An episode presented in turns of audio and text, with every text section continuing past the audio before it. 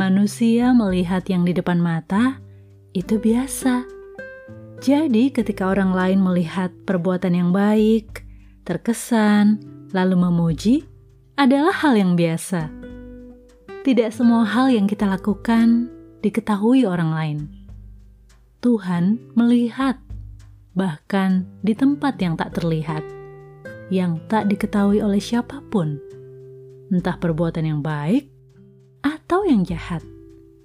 Jadi, ketika kita sudah melakukan hal yang baik, namun tidak dihargai manusia, sabar.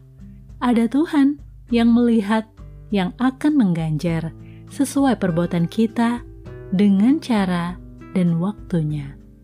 Sebaliknya, jika ada hal yang buruk yang kita lakukan dan belum diketahui oleh orang lain, bertobatlah sebelum semuanya bertambah buruk.